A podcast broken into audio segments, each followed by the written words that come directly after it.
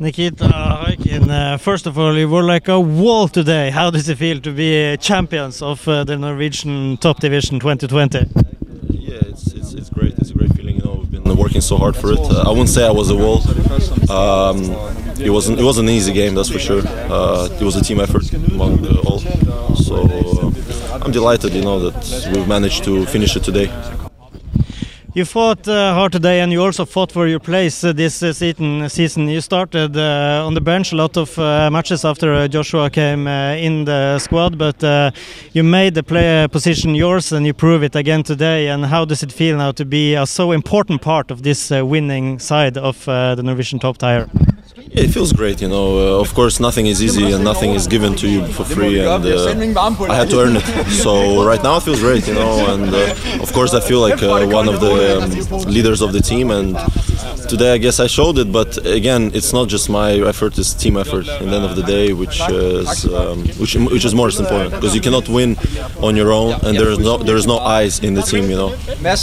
And uh, you've been in this uh, team for some years now, and you have to, like I was uh, said earlier, you had to fight for your place for uh, for season before you got your the place yours.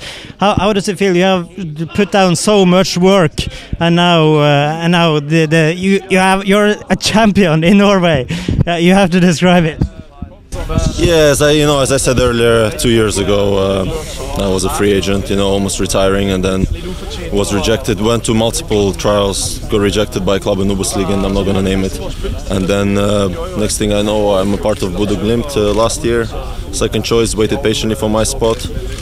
Uh, then had to fight, fight, uh, fight very hard for it and uh, here we go 2020 i'm a champion you know it's uh, you know I, di- I don't i don't you don't think about it until the end you know you don't think you only realize it now you know how much work you actually put in and hard work pays off.